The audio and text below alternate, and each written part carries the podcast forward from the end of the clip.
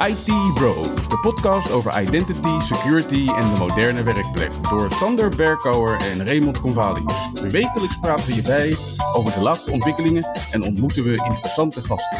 Volg onze podcast op Spotify of iTunes en stel je vragen op Twitter, ITBrosNL. Ik ben Raymond Convalius. En mijn naam is Sander Berkouwer. Welkom bij aflevering 35 van seizoen 2 van de IT Bros podcast. Met in deze aflevering het meest recente nieuws. Jawel, jawel. Evenementen voor de aankomende week. En een nieuwe productiviteitstip.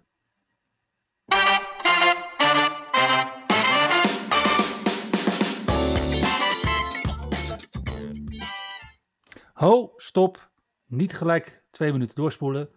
Want we hebben helemaal geen Windows 11 nieuws. Nee, deze week geen nieuwe builds in de dev channel, geen nieuwe builds in de beta channel en geen nieuwe geruchten over Windows 11. Is het stilte voor de storm? Dat ook een beetje. En finally support voor Windows 11 in VirtualBox. Oh, dus dat is, uh, is dat de, de befaamde D350 support van VirtualBox? Uh, ik denk het ja. Want in versie 7.0.0 beta 1, daar hebben ze uiteindelijk toch nog eens een keer TPM Pass-Through geïmplementeerd. Daarmee is het dus officieel gesupport voor Windows 11.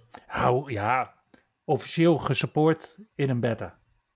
Ja, inderdaad. Oké, okay, maar desalniettemin, dankjewel Oracle. Ja, inderdaad. En uh, nou ja, goed, naast Windows 11 support hebben ze nu ook support voor macOS 11 met Big Sur. Mm -hmm. Of uh, macOS 11 Big Sur. En macOS 12 Monterey. Oeh. Mits jij aan de licentievoorwaarden kunt voldoen van macOS. Op een virtual machine. Succes. En nou ja, goed, als je dan toch iets uh, hebt met licenties, of ze liever niet hebt, dan kun je ook nog met Linux aan de slag. En voor Linux zit er nu support in voor Ubuntu versie 20.04 LTS en 22.04 LTS. En ook nog voor Debian 11. Ah, en Ubuntu 22.04 LTS, dat weet ik nog wel dat we het daarover hadden. Want dat was de eerste versie van Ubuntu die je lid kon maken van Active Directory. Right. En als we het dan toch over Active Directory hebben, en niet eens de altijd hippe of evergreen Azure AD, maar gewoon een Active Directory. Ja, dan vind ik dat we het ook moeten hebben over Azure MFA Server nieuws van deze week. Want eindelijk, eindelijk, eindelijk, en nu komt ook de aap uit de mouw waarom dit zo lang geduurd heeft, biedt Microsoft in Azure MFA Server versie 8.1.1.1 eindelijk een migratietool waarmee de multifactor authentication registraties in die on-premises MFA server naadloos kunnen worden gekopieerd naar Azure MFA. Dus naar Azure AD user account attributen. Ik zou bijna zeggen eindelijk. Ja, uiteraard. Maar als je dan kijkt waarom dit zo lang geduurd heeft, dan zie je dat ze en de database, ja, database, de, de, de phonefactor.pfdata, uh, sorry, het Mhm. phonefactor.pfdata bestand, hebben moeten aanpassen qua database schema. En ze hebben ook in Azure AD een aantal dingen moeten aanpassen. Niet zozeer aan de attributen die je moet beschrijven om iemand een MFA-registratie te geven, maar wel hebben ze de stage rollout functionaliteit uitgebreid. Waardoor je nu ook stage rollout kunt doen voor mensen die dus een MFA-registratie hebben op Azure MFA server.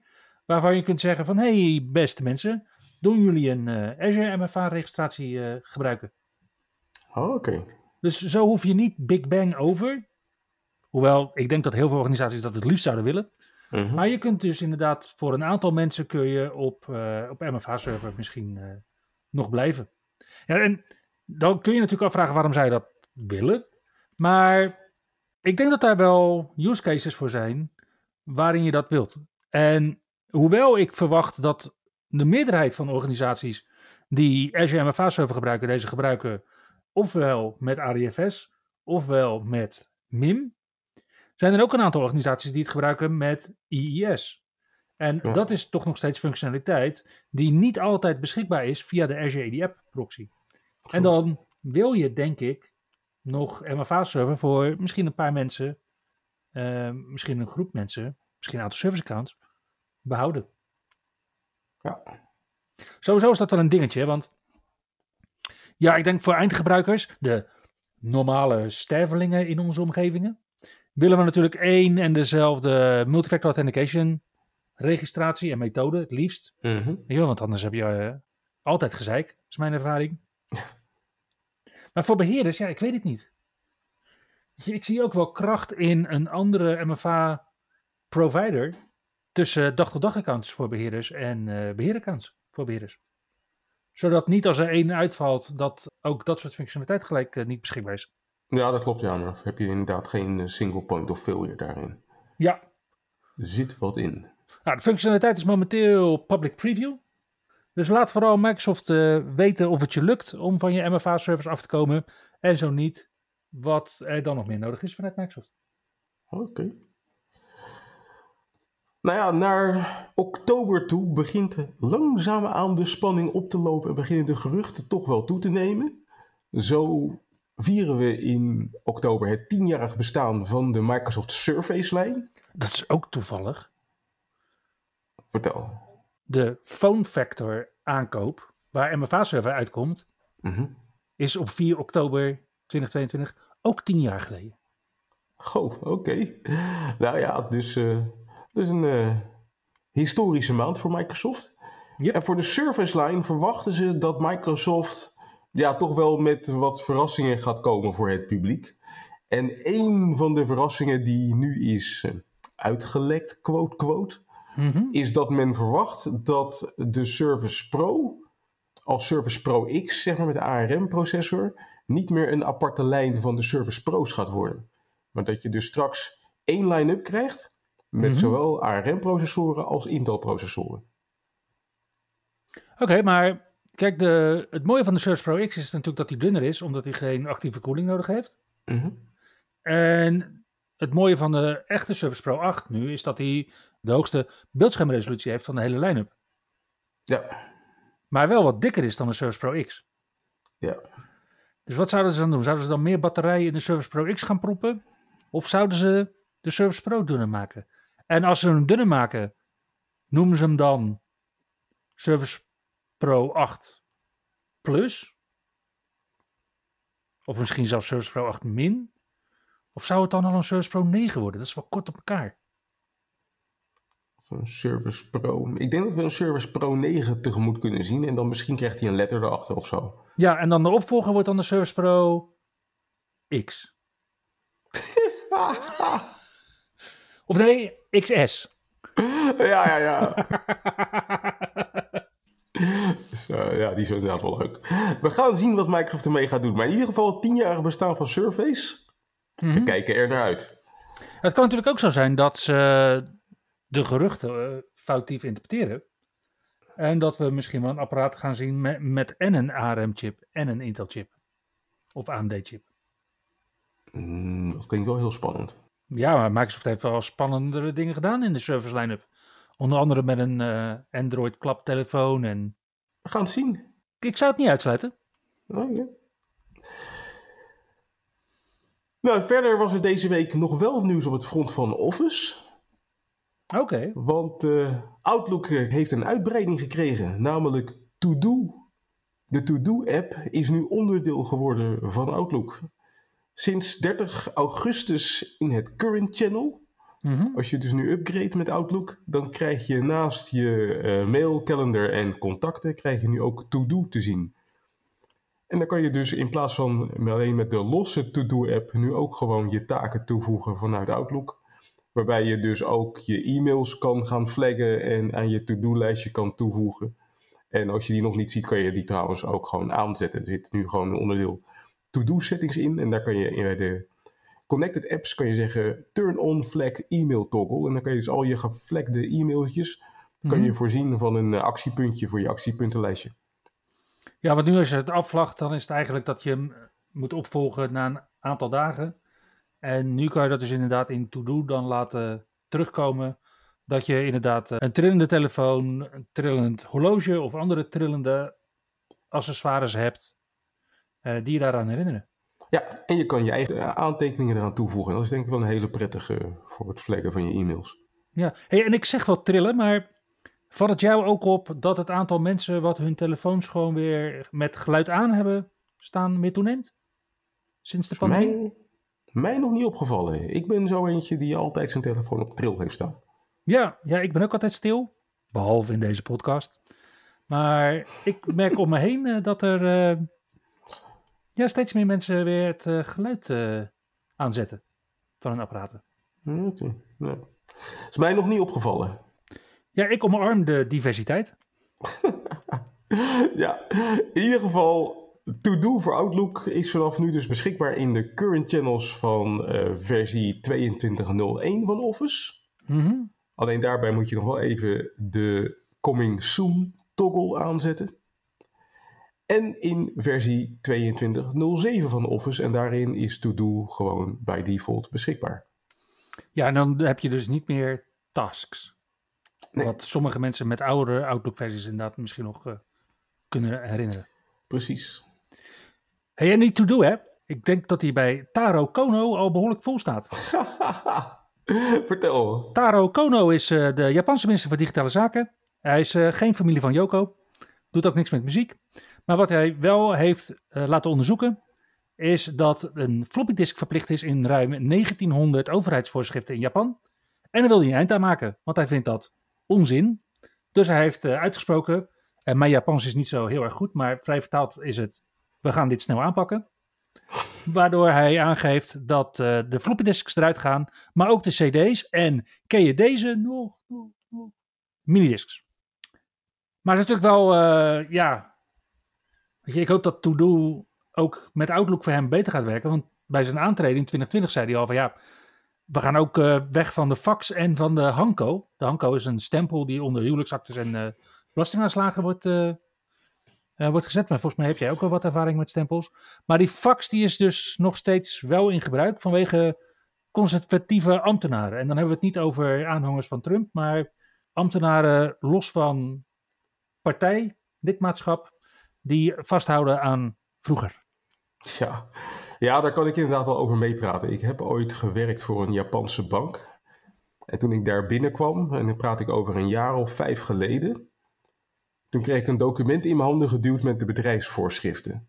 En in die bedrijfsvoorschriften stond iets als: ehm, je zal je job altijd bij je houden en bewaken dat niemand anders erover beschikt. En ik heb me toen zitten afvragen van, wat lees ik hier? Wat is een chop? Ja, waar gaat het over? Over de pork chops tijdens lunch? Of... Nou, die chop is dus wat jij hier beschrijft als een hanko.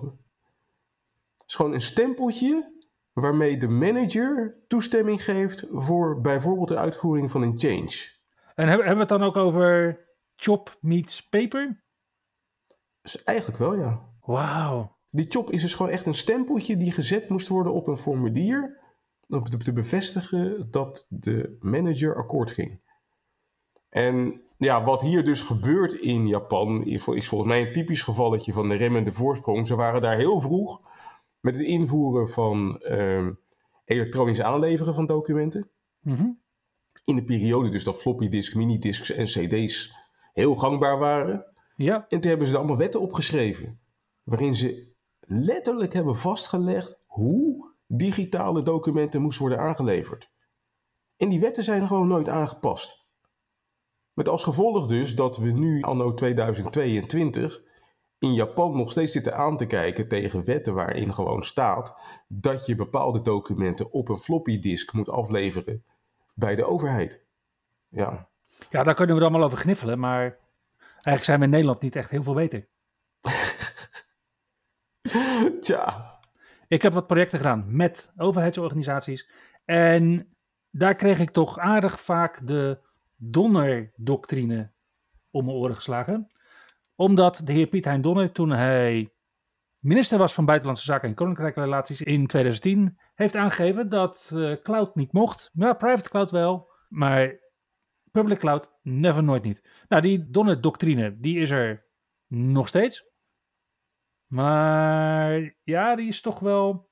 En zelfs toen ik al bezig was met projecten, en hebben we het ook eh, nog voor de pandemie, werd daar al flink aan gemorreld. Microsoft heeft toen natuurlijk ook na onderzoek van de Privacy Company ook al hun voorwaarden aangepast. Waardoor inderdaad er minder bezwaar was tegen het gebruik van de diensten. Maar ik geloof dat de afgelopen week toch wel echt het kantelpunt was. Ja, ja, nou ja, goed, die donderdoctrine die geldt eigenlijk nog steeds. Ik weet dat ik in 2020, tijdens de pandemie nog, ben gevraagd om mee te werken aan een project voor de Staten-Generaal. Mhm. En die gingen hun kantoorautomatiseringsplatform herinrichten. En voor de inrichting, herinrichting van het kantoorautomatiseringsplatform mocht gewoon op dat moment nog geen gebruik gemaakt worden van de cloud. Nee, dan mocht je dat eh, in, eh, in de overheidsdatacenters eh, mocht je dat plaatsen. Precies. Ja.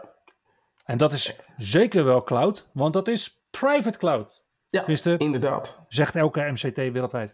Ja. Nou ja, goed, Alexandra van Huffelen, die dus nu gaat over de automatisering bij de Rijksoverheid, Mhm. die heeft aangegeven dat dat dus vanaf nu wel kan, of in ieder geval vanaf binnenkort. Alleen, er zijn nog wel een aantal voorwaarden. Dus, Hallo. eh, Ogenblikje. Even, even stevige schoenen aan nu, want we Mhm. gaan open deuren intrappen. inderdaad, Kom maar door. als je, als je persoonsgegevens wil gaan opslaan in de public cloud, dan moet je eerst een pre-scan gegevensbeschermingseffectbeoordeling hebben gedaan. Ja, en dat heet ook wel een eh, Data Privacy Impact Analyse. Een Precies. DPIA. Inderdaad, vrij vertaald uit. Engels. Ja. En je moet altijd zorgen dat je een exit-strategie klaar hebt liggen voor het geval je afscheid wil nemen van de cloud. No shit, Sherlock. Daarnaast is het nog steeds verboden om staatsgeheimen op te slaan op de public cloud. En over een jaar gaan we het evalueren. Dus dan gaan ze nog eens een keer kijken van was het wel gewoon een goed idee om ook public cloud toe te staan voor de rijksoverheden.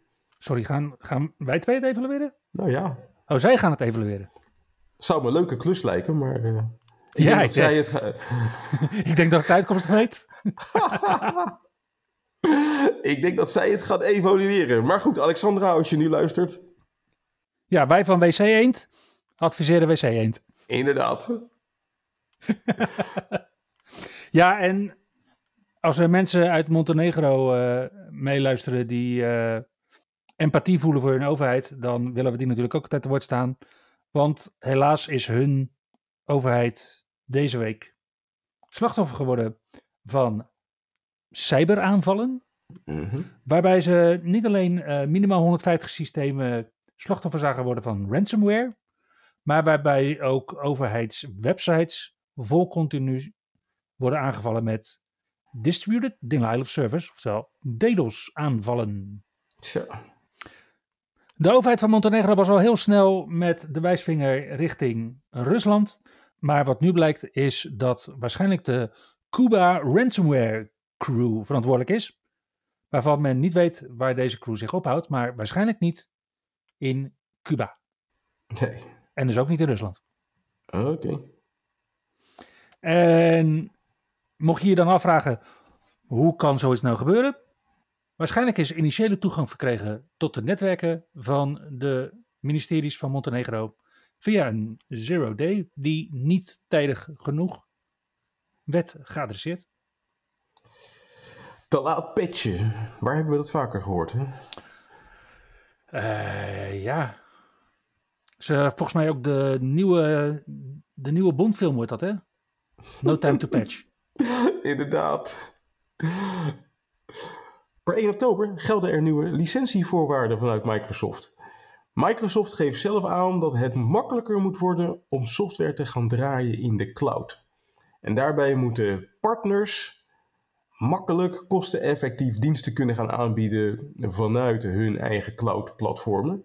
Mhm. En daarbij hebben ze onder andere voorzien in wat heet Virtual Core Licensing voor Windows Server. Dus heb je geen Oei. fysieke cores meer nodig om te licenseren, mag het ook op virtuele cores. En kan je zonder extra licenties Windows 10 en Windows 11 draaien op een willekeurige cloud. Maar die willekeurige cloud moet dan niet staan op de lijst van listed providers. En wie staan daar dan op? Google, Amazon, Microsoft zelf, Alibaba, om Oh. een paar te noemen. Ja, dus uh, eigenlijk uh, alle hyperscalers. Precies. En die zijn dus ook niet blij. Die zeggen van ja, het is hartstikke mooie gebaar van Microsoft, maar uiteindelijk mogen wij dus nog steeds geen Windows draaien op onze platform. Nee. Maar ja, op Microsofts eigen platform ook niet. Nee, maar goed, Microsoft uh, voorziet daar waarschijnlijk wel in via een andere constructie. Schat ik zo in. Ja, met AVD. Ja, onder andere. Ja, dat is zo vervelend als je geen gebruik kunt maken van bepaalde functionaliteit. En dat is wat ik eigenlijk leerde deze week. Want wij hadden het er een aantal afleveringen geleden over dat er in iOS een nieuwe feature komt, iOS 16, waarmee je je iPhone in lockdown mode kunt gebruiken, waardoor die veel veiliger standaard te gebruiken zou zijn. Ja. Het is natuurlijk helemaal ideaal voor dissidenten, journalisten en uh, dat soort mensen die bepaalde veiligheidsgaranties nodig hebben. Maar ik zat er zelf ook aan te denken om het te implementeren. Ja, nu blijkt dat die modus dus vrij eenvoudig door websites te detecteren is. Ja, inderdaad. En ik heb me ooit laten vertellen dat de Nederlandse veiligheidsdiensten helemaal niet geïnteresseerd zijn in de meeste mobieltjes. Maar als een mobieltje uitstaat, dat ze dat dan ineens heel erg interessant vinden. Precies. En ik denk dat dat ook gaat gebeuren als websites iPhones tegenkomen in lockdown mode. Dat daar misschien wel de logging toch ergens anders naartoe wordt geschreven. Of dat daar toch uh, op een andere manier iets met tracking voor wordt gedaan. Of ja, dat soort dingen. Ja, ja want het blijkt dus dat met name een functionaliteit uh, die het laden van custom fonts mogelijk maakt. Die wordt uitgeschakeld mm -hmm. in die lockdown mode. En dat blijkt dus vrij eenvoudig te detecteren te zijn voor websites.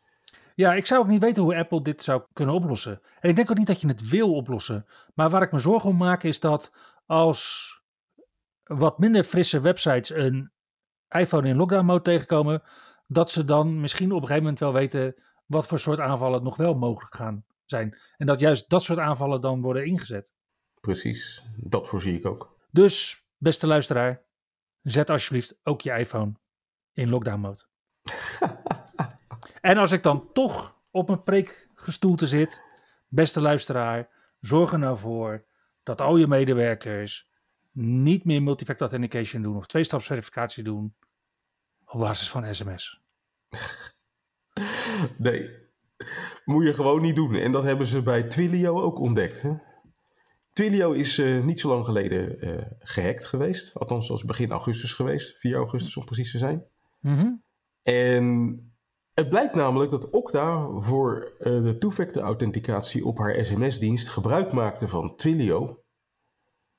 En dat uh, door een hack bij Twilio het mogelijk was om de sms-communicatie te onderscheppen en te misbruiken. Dus waar we ons eigenlijk tot, nou, pakken wij twee weken geleden zorgen maakten, was dat hele telefoonnummers werden gerouteerd en dat sms-berichten op die manier bij kwaadwillenden terechtkwamen. Is dit een soort uh, adversary in the middle aanval, waarbij als je dus als aanbieder gebruik maakt van Twilio, voor dat soort sms-berichten of andere push-berichten natuurlijk, dat uh, dat bij Twilio uh, afgevangen kon worden. Ja. En een van die diensten was Okta. Precies. Nou ja, goed, en Okta is inmiddels dus overgestapt naar een andere sms-provider om dit uh, probleem te ondervangen. Aan de andere kant denk ik dat het hoog tijd wordt om gewoon van sms af te stappen als two-factor authenticatie. Ja, en ik weet ook niet of het voor partij nou zo handig is om dat soort dingen ook bij een derde partij neer te leggen. Ja, dan krijgen we hele foutsourcing discussies. Laten we dat niet doen. Laten we doorgaan naar het volgende punt.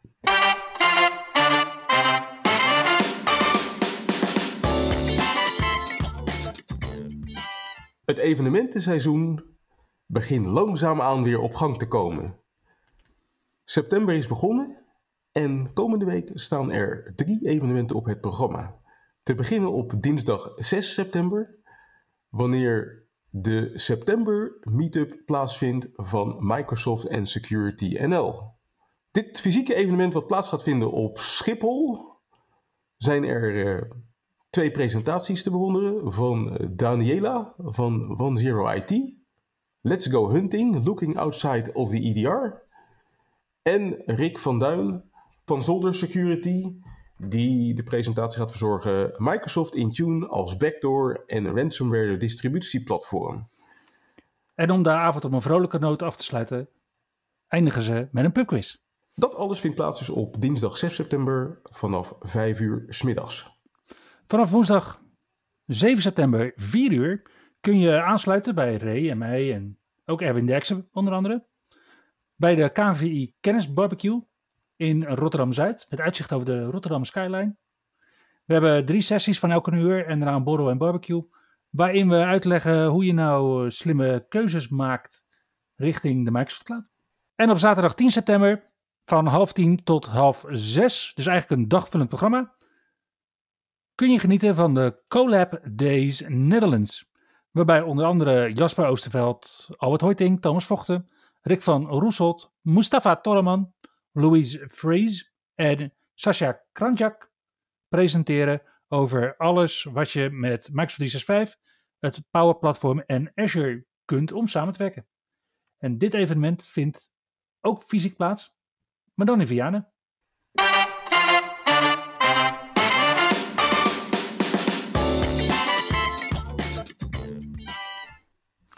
Nou zijn we aan het begin van deze aflevering al gestopt met de traditie om lekker allemaal Windows 11 preview nieuws te blazen.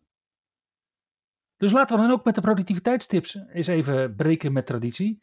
Waarbij we niet kijken naar de allernieuwste features in de allernieuwste versies van Windows 11. Maar kijken hoe we misschien de mensen die dadelijk van Windows 10 gaan overstappen naar Windows 11 kunnen helpen. Want ja, Ray, jij zit natuurlijk al uh, vanaf het begin op Windows 11. Mhm. Dus je zit eigenlijk op de eerste versie van Windows 11. Dat Mhm. zien we ook aan alle oplossingen voor Explorer.exe crashes het afgelopen jaar. Yes. En met eh, Windows 11 version 2022, zoals we denken dat het gaat heten. Maar misschien ook wel gewoon Windows 11 22H2, zoals we daar tot voor kort mm, aan refereren. Mhm. Kunnen we denk ik wel spreken van een soort versie 2. Of misschien zelfs wel een soort Service Pack 1. Waardoor organisaties misschien wel sneller, beter, meer Windows 11 kunnen gaan omarmen. En mocht jij als medewerker geconfronteerd worden met Windows 11, dan zou je jezelf ook zo eens geconfronteerd kunnen voelen met het feit dat als je rechtermuisknop klikt op de startbalk, dat daar niet meer zomaar de Task Manager aan vastzit. Inderdaad, eh, die functie hebben ze eruit gesloopt. Ik begrijp nog steeds niet waarom. Nee, dus wat je ziet in, eh, in Windows 10 is dat er drie manieren zijn om taakbeheer, of task manager in het Engels, op te starten. Namelijk door de rechtermuisknop te klikken op de startknop, rechtermuisknop te klikken op de startbalk, of gewoon de toetsencombinatie Ctrl, Shift en Escape in te drukken.